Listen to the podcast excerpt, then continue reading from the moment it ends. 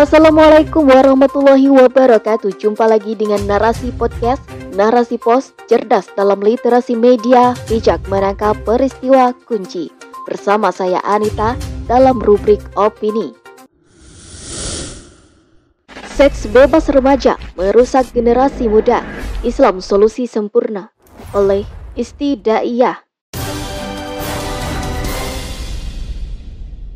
Dan janganlah kamu mendekati zina. Sesungguhnya, zina itu adalah suatu perbuatan yang keji dan suatu jalan yang buruk. Tafsir Quran Surah Al-Isra ayat 32 Allah subhanahu wa ta'ala menurunkan ayat ini sudah sangat jelas sekali. Ayat ini mudah dipahami oleh siapa saja. Syariat Islam melarang mendekati zina, yang otomatis melakukan zina juga dilarang karena termasuk dosa besar. Namun, di negeri yang penduduknya mayoritas muslim ini, perbuatan zina seakan menjadi hal biasa. Secara perlahan tapi pasti, budaya liberal yang bebas telah masuk dan merasuki para remaja saat ini, termasuk seks bebas. Hal ini sangat memprihatinkan, banyak remaja yang menjadi korban budaya yang kebablasan. Aksi-aksi pergaulan bebas saat ini semakin mengkhawatirkan belum lama ini, ratusan remaja di Depok mengadakan privat party yang dicurigai warga sebagai pesta bikini. Sehingga acara tersebut terpaksa harus digerebek polisi karena warga sekitar merasa terganggu dengan acara yang sebenarnya kurang pantas dilakukan oleh remaja di negeri ini. Dilansir dari Sindonius 6 Juni 2022. Sebuah pesta remaja yang seharusnya tidak dilakukan karena bisa menjadi pintu masuknya perbuatan yang melanggar nilai-nilai agama. Bukan kali ini saja terjadi, kasus di atas hanya sebagian contoh yang terekspos. Namun, sekali lagi, inilah cermin budaya dari nilai-nilai sekuler yang telah merasuk para remaja. Belum lagi maraknya kasus aborsi di kalangan remaja dan anak muda yang sering menghiasi berita di berbagai media. Salah satunya kasus yang terjadi belum lama ini yang mana polisi telah menemukan tujuh janin yang sudah membusuk di sebuah kotak makan di tempat kos di Makassar. Berdasarkan hasil pemeriksaan, tersangka adalah seorang perempuan yang melakukan aborsi karena malu. Telah melakukan dosa selama 10 tahun hingga hamil tujuh kali. Karena pacarnya tidak menikahi, maka aborsi dijadikan solusi. Dilansir dari tv1news.com 11 Juni 2022. Dari berbagai fakta yang ada, terlihat bahwa seks bebas akibat budaya liberal menjadi salah satu ancaman nyata yang bisa merusak generasi muda. Harus ada upaya untuk mencegah dan mengembalikan jati diri para remaja di negeri tercinta. Ketika arus liberal yang masuk tanpa filter dalam hal ini Islam, maka nilai-nilai moral dan agama akan tergerus. Para remaja akan kehilangan jati diri mereka akan menjadi sasaran empuk budaya liberal yang berbahaya. Mereka akan menganggap hal yang tabu menjadi biasa, yang haram seolah boleh dilakukan, termasuk zina dalam hal ini seks bebas. Sebagaimana hasil sebuah survei tentang remaja yang telah melakukan hubungan seks di luar nikah. Hasilnya membuat kita tercengang. Survei yang dilakukan oleh badan survei ini mengambil sampel dari 33 provinsi Badan Koordinasi Keluarga Berencana Nasional atau BKBN menyatakan 63% remaja pernah melakukan hubungan seks di luar nikah, sementara 21% di antaranya melakukan aborsi, dilansir dari merdeka.com 19 Desember 2008. Sementara itu, menurut hasil penelitian terbaru yang dilakukan oleh Rekit Dance Kisen Indonesia terhadap 500 remaja di lima kota besar Indonesia juga mengungkap bahwa sekitar 33% remaja pernah melakukan hubungan seks penetrasi. Dilansir dari merdeka.com 23 Juni 2019.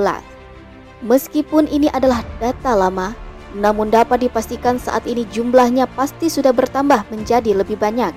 Mengingat dari waktu ke waktu, gaung kebebasan dari sistem kapitalis sekuler semakin santer terdengar.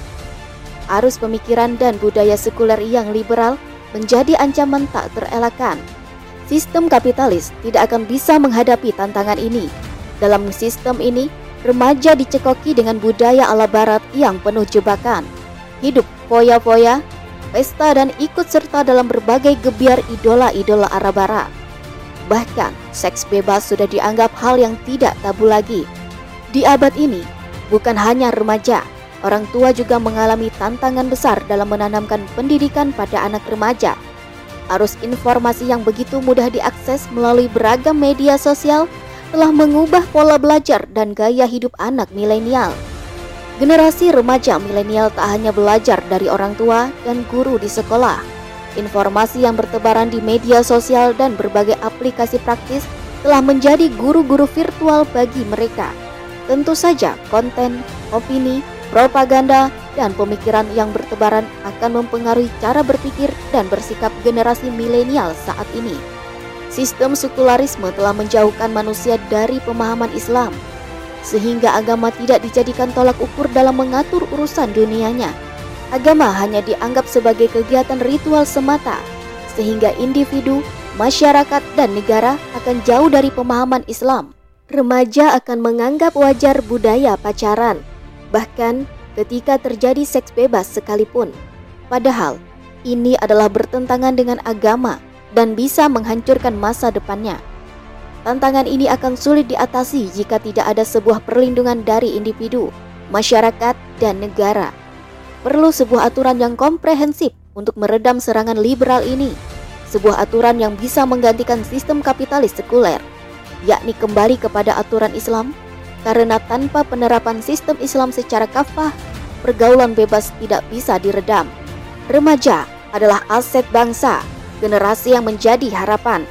Diperlukan penjagaan yang sempurna agar generasi tidak terpapar seks bebas, sehingga Perlu sebuah sistem yang bisa menyiapkan generasi milenial menjadi generasi yang mampu membangun peradaban Islam di masa depan, yakni sistem Islam kafah.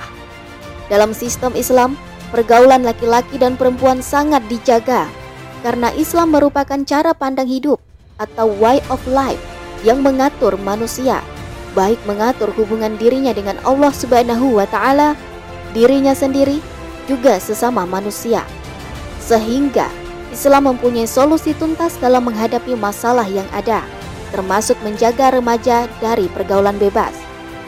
Islam akan menutup celah terjadinya seks bebas atau zina di tengah masyarakat. Mekanisme ini diwujudkan dalam sebuah peraturan yang rinci yang harus ditaati oleh semua muslim. Sistem Islam mempunyai tiga pilar penjagaan dalam menutup pergaulan bebas, yaitu pilar pertama, ketakwaan individu. Sistem Islam akan mencetak manusia yang beriman dan bertakwa karena faktor keimanan dan kuatnya akidah setiap individu akan berusaha menjaga dirinya dari perbuatan yang dilarang oleh syariat. Hal ini dilakukan semata-mata karena dorongan keimanan kepada Allah Subhanahu wa taala.